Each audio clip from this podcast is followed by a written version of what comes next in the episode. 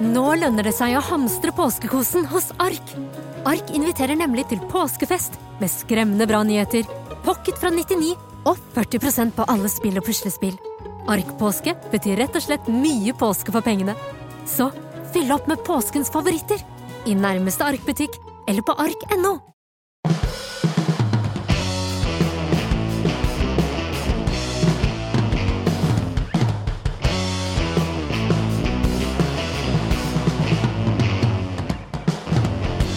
Jeg må starte denne uken med å legge meg langflat, eh, Petter. Eh, fader meg godt at du noen gang må gjøre det, du også. Jeg ble, jeg ble, Du må ta en puddel. jeg må ta en puddel, ja. Jeg ble, ble um, kalt bygne, bygdeignorant her fordi jeg omtalte Vestfold som sørlandskysten i forrige ukes sending. Det er jo ikke bra. Bra. Nei, men Bortsett fra det grå håret ditt, så kunne du vært skutt ut av Stureplan liksom som en sånn uh, 08-er og Bratz. eh. Nei, jo, jo, jo, jo. En gammel utgave. En, ga, en gammel utgave, ja. Ja, en gammel Brat. litt sånn Ja, utrent litt sånn utgave. eh, og hadde Oslo vært for det 3, liksom sånn ovenfra og ned. Ja. Straks du er utafor liksom um, eh, ringen, så da er det noe gærent. Begynner jeg å klage over at her er det jo ikke noe deilig foie gras å få servert til lunsj. Ingen spiser for gras. Force-feeding, eh, det er vi imot. Vi er det. Men eh, Beklager i hvert fall til alle som følte seg støtt av min bygdeignoranse forrige uke. Eh, Denne uken så har vi jo en som virkelig kan sitt Vestfold i, i studio. Ja. Så det var jo nyttig å få ryddet av gå, liksom få lagt den unnskyldningen på bordet med en gang, tenkte vi. Ja. Eh, Tore Solberg, ingen kan jo Vestfoldkysten som deg. Velkommen i studio. Takk for det. Du er sjølveste mister eh, fritidseiendom eh, i Sandefjord og Tønsberg-traktene. Har solgt hundrevis, eller er det tusenvis av hytter? Hvor mange har du solgt? Nei, det veit jeg ikke, men uh, jeg har solgt veldig mange i hvert fall. Veldig En, eh, mange. 30-40 stykker i året, men uh, det er ikke så imponerende. Men uh, prisen er jo heller litt mer imponerende. Hva er snittprisen? Uh, cirka, I år godt og vel 11 Oi. millioner. 11 millioner Mm. i snitt på en hytte. Så du har solgt for nesten ja, ca. 400 millioner kroner Ja. da, i år. 395 millioner for å være helt nøyaktig. Er det eh, Er det hard konkurranse om å være fritidseiendomsmegler i, på Vestfoldkysten? Det er eh, kjempehard konkurranse, sånn at du kan ikke hvile på labberne, men du må stå på hele tida. Ja. Men som kongen av det markedet, er det Ja, det var dine ord, da, men ok. Ja. Er du ikke det? Nei, ja, foreløpig så er jeg i hvert fall markedsleder, men eh, ja. Ok, du, vi skal snakke mye mer om eh, fritidseiendomsmarkedet nå, eh, men vi må også ønske deg velkommen i studio, Neira Matsic. Takk. Du pleier jo normalt å snakke om boligpriser, og da blir det jo ofte Oslo man snakker om, men vi skal prøve å holde oss litt til fritidseiendomsmarkedet i dag. Ja. Hvordan vil du beskrive det markedet nå? Hett. Veldig hett. Eh, kanskje så hett som det noensinne har vært. Eh, både med tanke på antall omsetninger hittil i år, og prisutviklingen har vært eh, rekordsterk. Og det er først og fremst korona som gjør det, eller er det også andre grunner? Det er nok først og fremst korona, men Og så er det på en måte de konsekvensene korona har brakt med seg, som rentekutt i andre omgang, og så har du endrede reisevaner eller reiseplaner, og så er det kanskje aller viktigst det at eh, de som har mistet jobben under denne krisen, det er ikke de typiske hyttekjøperne, og ikke de som kjøper hytter til 11 millioner kroner. Mm. Så dette markedet her har ikke blitt rammet negativt, bare positivt ved hjelp av lavere rente. I all denne positiviteten, eh, den koronapakka, bobil eller hytte og båt Altså, det går jo over stokk og stein om dagen. Folk bruker jo penger eh, som de var på Rørosmartnan. Altså, eh, det er sånn Jeg hadde en i konsernledelsen min, jeg skal ikke si hvem det er, men han heter Bjørn Arild til fornavn. Han eh, tok liksom på hofta Kjøpte seg en sånn der eh, super eh, racerbåt. Eh, syntes det var for Sola skinte, ting så bra ut. Brukte liksom rett, rett under en million på å kjøpe en helt åpen båt. Ah, det gikk så fort at han hadde ikke engang båtplass! Og ringte meg. Og jeg hadde jo båtplass, for jeg hadde jo solgt båten min. Så han tok min båtplass øh, til en veldig lav leie. Men går dette Altså, går det for fort nå? For det første så ser jeg at personvern er veldig viktig i deres bedrift. Det er jo Ja, ja, ja. Personvern er jeg veldig, brukte ikke viktig. etternavn. Petter, Petter brenner for eh, personvern GDPR i, egen eh, i, i ditt hjerte. Men uh, det er GDPR, ja. Jeg håper du vet hva GDPR er. Ja, ja, Ja, det, nå, ble, nå ble jeg nesten litt skremt. Ja. Men det, det, det, inntrykket du har, jeg har også det. Ja. Det, det her er det det bare fyres av på alle kanter. Vil, det- vil det være mange bobiler og hytter til salgs neste sommer? Det kommer jo helt an på hvor denne pandemien er i, i løpet sitt. Hvis vi er vaksinert alle sammen og kan ut og reise igjen, så tror jeg dette kanskje bare ble denne sommeren. Ja.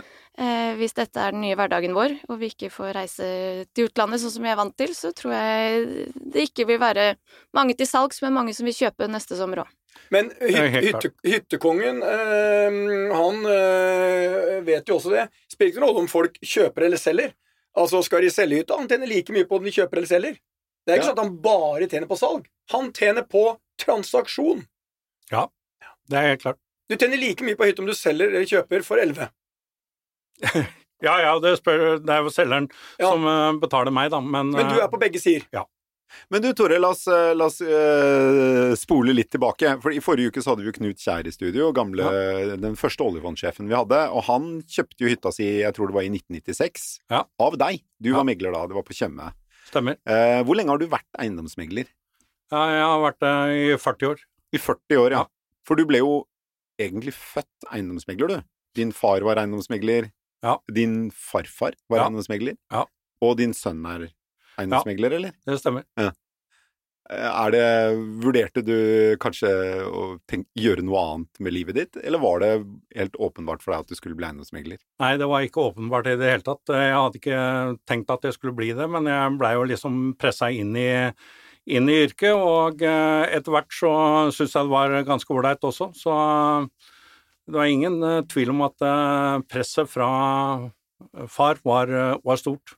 Eiendoms... Du, du kommer her med reklame. Eh, Vi er jo en helt reklamefri pod, eller vi har ikke betalereklame. Så eiendomsmegler 1, er det sånn franchise-greie, så du eier butikken din sjæl, men du betaler en avgift til de, eller eier de deg med hud og hår? Nei, det, nå eier de meg med hud og hår. Så de kjøpte deg ut? Ja, altså det vil si at uh, Sparebank1 kjøpte firmaet der jeg var, uh, altså Georg Solberg AS, i 2002.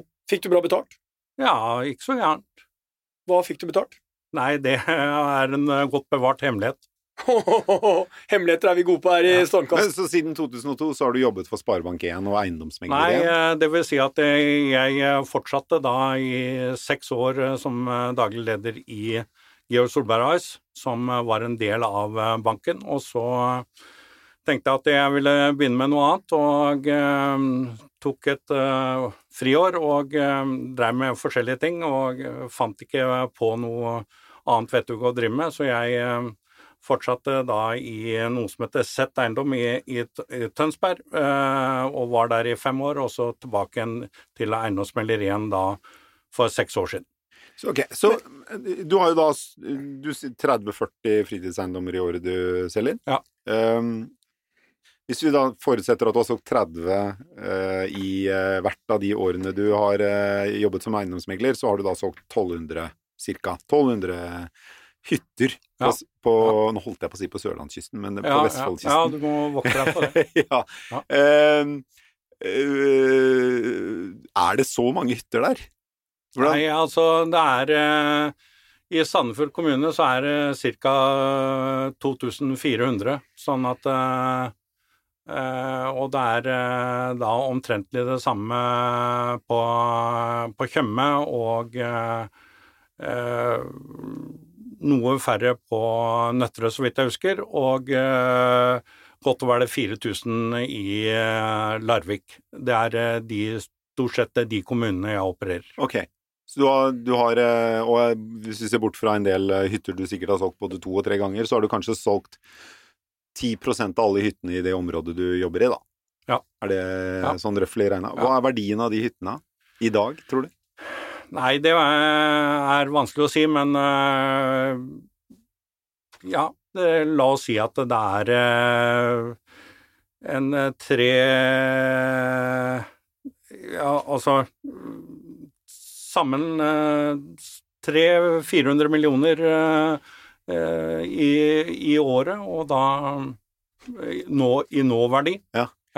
Men ja, ja, vi, vi, altså, i all denne beruselsen over hvor bra det er å kjøpe hytte på Tjøme, eller hvor det er sånn Nei da, følgende.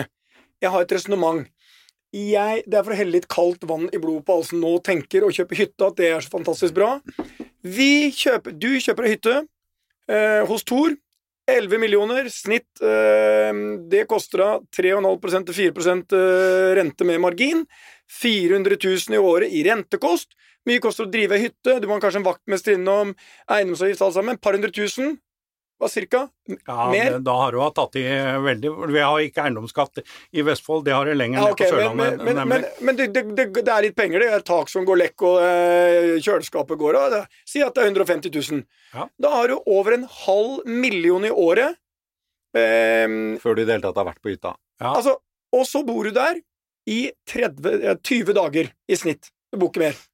Det er altså 25 000 kroner dagen i å bo på hytta. Da kan du bo på et femstjerners hotell, ta med hele familien, svigermor, svigerfar, hele slekta, og du kan bare gjøre én ting. Du kommer, får et fantastisk opphold. Når du går, og leverer nøkkelen, bør ikke bekymre deg over noen ting. Ikke over tak, vaskemaskin, eh, frost, eh, rørlegger, alt sammen. Hvorfor vil man seg så vondt, Neira? Å, en reklamefri pod, virkelig. En Ja, ja, reklamefri men altså, hvor, hvor, hvor vil Nei, han er desperat etter å få folk Ja, å ja, det. ja, ja. Nei, men det er jo Det er, det er altså og, Det du ikke regner med, det er jo at uh, den hytta ikke stiger i verdi, og det har den jo gjort i alle år. Hytter uh, der det ikke kan bygges så veldig mange andre hytter, vil jo stige i verdi. Det er bare sånn det er. Ja, Hvis, og det eh, kan det ikke i Vestfold. det, ja, og det kan det ikke langs kysten eh, mange steder. Så det er, litt, det er ganske stor forskjell på, på sjøhytter og, og fjellhytter og sånn innlandshytter som ikke er verken i nærheten av et fjell eller noe, der du kan bygge masse. De stiger over tid veldig lite i verdi. Sjøhyttene stiger mye, fordi folk vet at det er et begrenset gode, og det, er, det blir ikke noe mer av det i fremtiden. Nei, og det er jo, det, det er jo tror jeg, det, det som får mange par til å overbevise seg selv om at ok, hvis så bruker vi 7-8 millioner kroner på å kjøpe en hytte i Vestfold, fordi det blir ikke noe mer av det. Eh, betyr det at det er en god investering å kjøpe en hytte, hvis man bare sitter på den på lang sikt? Helt klart. Helt klart.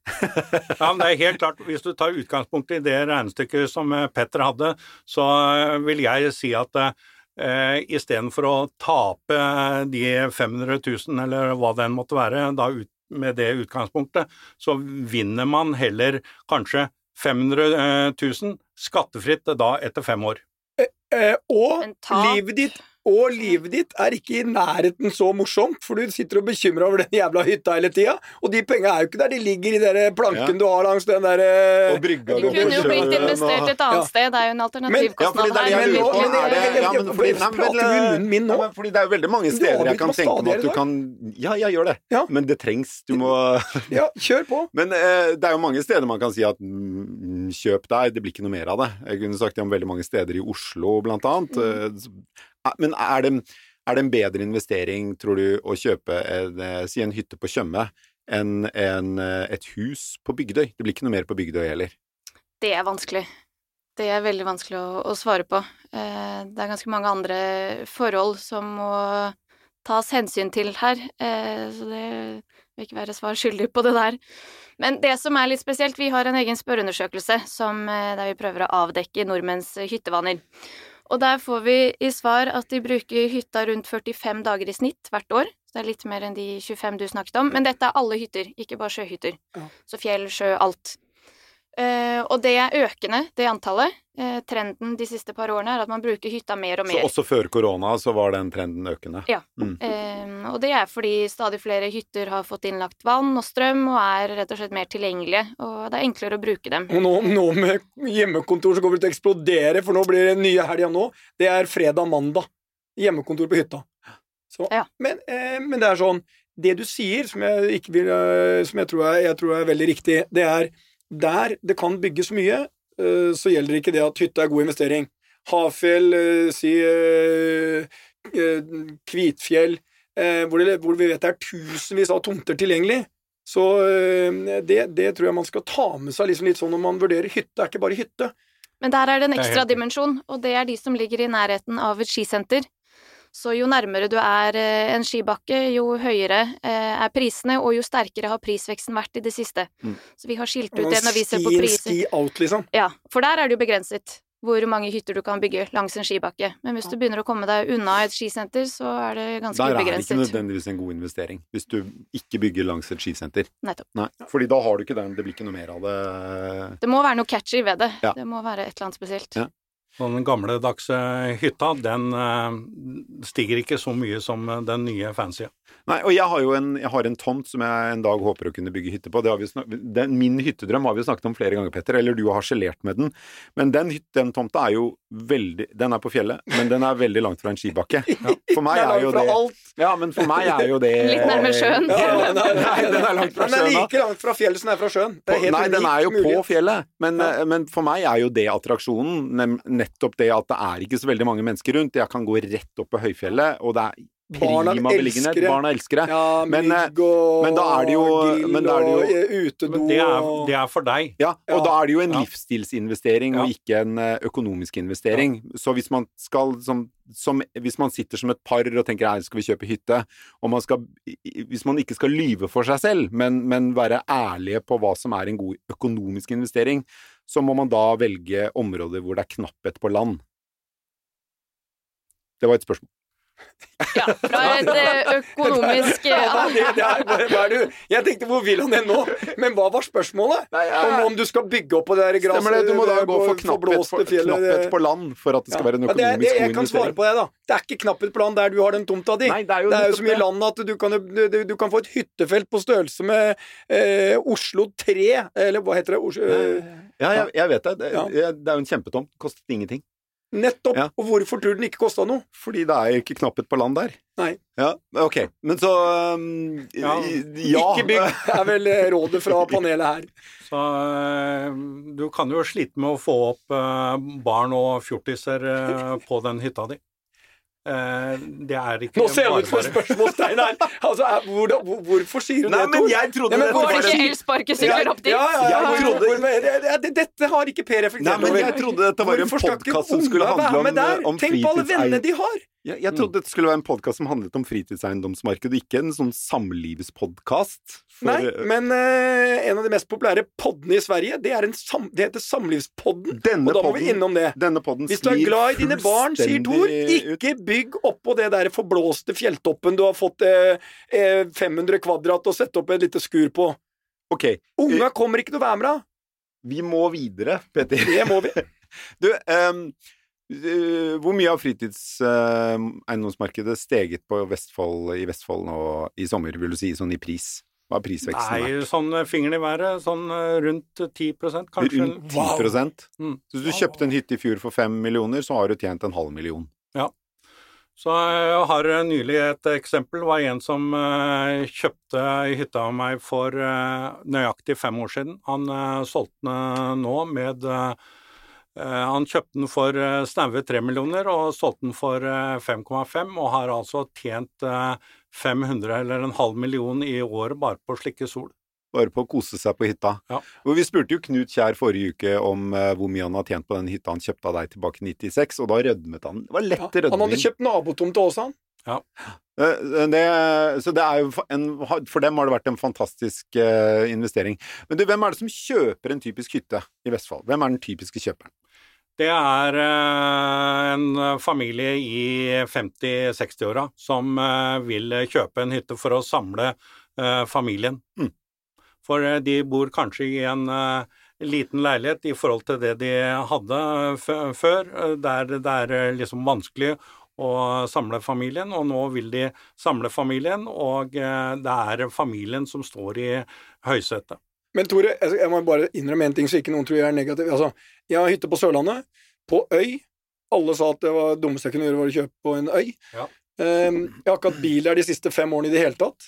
Ehm, og jeg syns uansett eh, I år var det jo basically tolv grader og litt sånn delvis vær. Men hvert år så syns jeg det er den fineste sommeren vi har hatt. Så, og det, alt handler egentlig om én ting familie. Ja. samler alle, og har, eh, vi har faste ting vi gjør, og de møter vennene sine og nå. Um, så jeg er jo en av de som er stor fan av uh, hytte, hytte på fjellet også, som jeg ikke bruker så mye, riktignok. Så jeg, jeg, liker jo hele det der familielivet, men samtidig så er det noe man skal tenke over. Du skal leve hver eneste dag, hver, hvert eneste år. Og det er veldig stor forpliktelse å ta på seg og kjøpe hytte til 5, 6, 7, 8 millioner. Og det er en alternativ kost der sånn. Hvis du heller tenker sånn, ja, verdistigningen, jeg ser den. Men jeg ser også at uh, for Per, da, som har familie og barn og sånt nå, det er bedre å ikke kjøpe den hytta og leve et bra liv og ha hver eneste sommer og ha det hyggelig og være litt bekymringsløs. Det er faktisk et alternativ. For det er ikke sånn at du drar ut til Sverige at de har det samme der sånn. Nordmenn har hytofobi. Det stemmer. Det har vi, vi, har tall fra hele Europa oh, ja. på, og det er ingen andre land eh, der det er så mange hytter per innbygger som det det er i Norge. Så Riktig. det er en hytofobi. Mm. Men det er en annen ting du var innom her som er ganske viktig, og det er demografien. Um, hvis vi deler hele den norske populasjonen inn i aldersintervaller, så finner vi aller flest mennesker mellom 45 og 55 år. Og det er den typiske hyttekjøperalderen. Så det er også demografiske årsaker til at det er så stort trykk i, i hyttemarkedet. Ja. Det er fordi det kullet der uh, er enormt. De som er i de De som ble født på slutten av 60-tallet og yes. begynnelsen av 70-tallet. Og i snitt så er det da man kjøper hytte. Så det kan uh, være demografiske forklaringer til dette òg. Og så er det én ting til, og det er alle de som vanligvis kjøper hytte i utlandet. Eh, det er rundt 74 000 nordmenn som før eh, korona svarte at de var interessert i å kjøpe seg en eh, fritidsbolig i utlandet. Vi vil nok nå anta at det antallet har falt. Mm. Vet ikke helt hvor mye, men mange av disse har da kjøpt for eksempel i Vestfold istedenfor eller et eller annet sted langs kysten i Norge. Fordi, jeg, jeg, må bare korrigere meg selv her. Jeg sa hyttofobi. Det var hyttomani. Hyttomani, det var det hyttomani, du mente. Det var det. det, var det altså, bare, det er sånn, det gikk litt fort. Ja.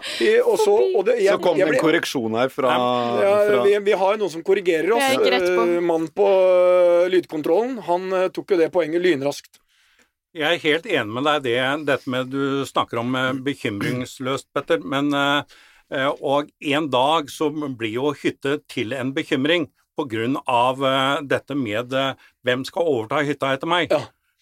Og det er jo der de fleste salgene utløses ved at det er et generasjonsskifte, direkte eller indirekte. Og det er eh, pga. denne prisstigninga så er det jo blitt håpløst å løse ut hverandre. Og, det, og det, jeg syns jo også det med, det med, Fordi jeg frykter jo mer enn noe annet å bli som eid av mine ting. Eh, og vi har jo nok ting i våre liv. Eh, så for meg så er jo målet å ha en hytte på fjellet er jo å ha en som er helt vedlikeholdsfri, og aller helst så ville jeg hatt en steinbu 1200 meter over havet, men der får jeg ikke med meg kjæresten min, og neppe ungene heller. Steinbu? ja, det er, det er, min store drøm. Steinbu? Men, men en hytte på fjellet kan du liksom lene deg tilbake og En steinbu, det er akkurat det. En bu bygget av stein. Så litt sånn som Arne Næss hadde, vet du, han filosofiprofessoren. Han hadde en sånn drømmehytta mi i en sånn fjellskrent 1200 meter over havet. Det er min drømmehytte. Men har du en hytte på Sørlandet eller Vestfoldkysten, og brygga ryker på sjøen, eller du må male hvert tredje år, gresset gror en halvmeter i måneden Det er jo konstant vedlikehold. Ja, ja, ja, det er det, er det men uh, det Nå skal du gjøre på sommeren, mener Tore. Eh, du må ha noe å gjøre. Kan du enten fikse sjøl, eller så kan du jo sette det bort. Ja. Det er bare spørsmål om penger. Det er bare spørsmål om penger, så du må ja. sette det bort enda mer. Er, er hytte, hytteboomen, hyttomanien, da, er den en viktig økonomisk drivkraft på, i Vestfold og på sørlandskysten? Er den viktig for næringslivet der nede? Ja, det er jo kjempeviktig. Eh, det er jo visse kommuner som ikke har skjønt det, men, eh, men det er jo kjempeviktig. Hadde det vært eh, så mange dagligvareforretninger på Tjøme hvis det ikke hadde vært for hyttefolket? Nei. Hadde det vært så mange snekkere på Tjøme hvis ikke det hadde vært for hyttefolket? Nei. Hadde det ikke vært noen rørleggere her? Nei. Tore, det er veldig bra, men jeg har bare ett spørsmål til deg. For det er bare i forlengelsen av det Per var innom her. Hvis du skal anslå hvor mange bruker en stor del av sommeren sin på hytta til å gjøre vedlikeholdsarbeid Ja, det er ganske mange. Men nordmenn elsker jo å pusse opp. Altså, jeg tror de fleste det er- jeg kjenner, de, de liker Altså, å pusse opp. Vi- Det er jo helt- det er Per jobber i kommunikasjonsbransjen og støtter mennesker som da Og så plutselig kommer Neira inn her og skal hjelpe til å, og underbygge Jeg det. liker ikke å pusse opp. Nei, ikke jeg er- heller. Jeg vil helst så- eh, Hvis jeg skal ha en hytte, så må det også være Vedlikeholdsfritt steinhytte. Ja, eller jeg må ha penger nok til å sette fri. Men nordmenn bruker 85 milliarder kroner i året på å pusse opp boligen sin, og de bruker vel rundt 13 milliarder kroner i året på å pusse opp hyttene sine. Ja. Det er helt vanvittige summer. 100 Ingen andre land pluss. i Europa der man bruker så mye penger. Så vi eier flere boliger og hytter enn alle andre i Europa, og vi pusser dem opp. Ja, det må vi jo. Når vi først eier så mange, så må det jo pusses opp. Ja. Så um, um, Det blir jo business ut av det her for noen, Ja. syvende og sist. Helt klart. Men det er interessant det der, for det, det der med generasjonsskifte Tore, det, også, det kan jo også utløse at de selger ei hytte til 15 millioner, og så er det tre søsken, og så får de ut fem hver i egenkapital, og så kan de kjøpe eh, Du får ett salg, og så får du tre kjøp. Ja, eh, og Ser du noe av det? eh, jeg hadde en kunde, en bestefar, eh, som eh, sa det til meg at eh, nå selger jeg hytta, Tore. Den har vært så eh, verdifull for oss og skapt så mye hygge at her skal det ikke bli noe eh, klabb og babb etter meg. Så jeg selger den, og så øh, gjorde han det, og så delte Og så han aldri barna sine igjen. Nei. Jo, jo men han øh, jo, gjorde det, men han hadde fem eh, barnebarn. Og øh, ga de to millioner eller et eller annet sånt noe hver seg. Og det de, barnebarna, eh, de fem barnebarna gjorde, det var å kjøpe seg leilighet i Oslo, alle sammen. Og nå, uten den støtta fra bestefar, så hadde de ikke eh, fått seg eh, leilighet i Oslo. Nå vet jeg faktisk akkurat hvem familie du snakker om. Ja. Og de kjøpte nordisk hotell på oss. Åtte netter, nei, ti netter for 8000 kroner, og hadde tidenes beste sommer. Ja, har du tatt tyggegummi? Nå måtte jeg ta en tyggelse. Ja, men vi må forsøke å eh, runde, ja, runde. av, runde opp her, eller noe sånt. Hvor runder vi av? Nei, jeg syns uh, at vi skal um, gi uh, en oppsummering av råd.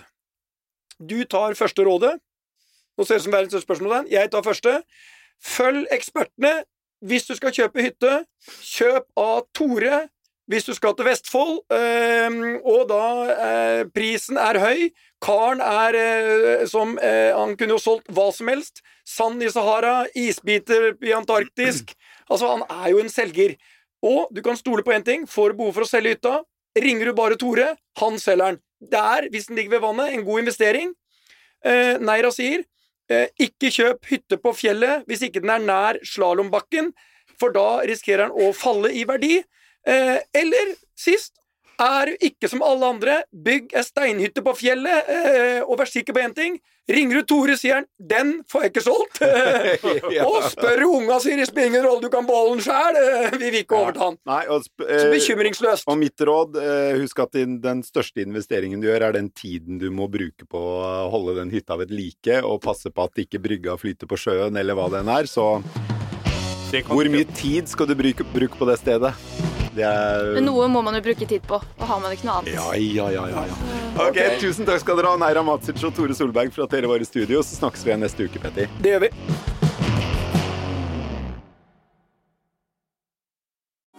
Nå lønner det seg å hamstre påskekosen hos Ark.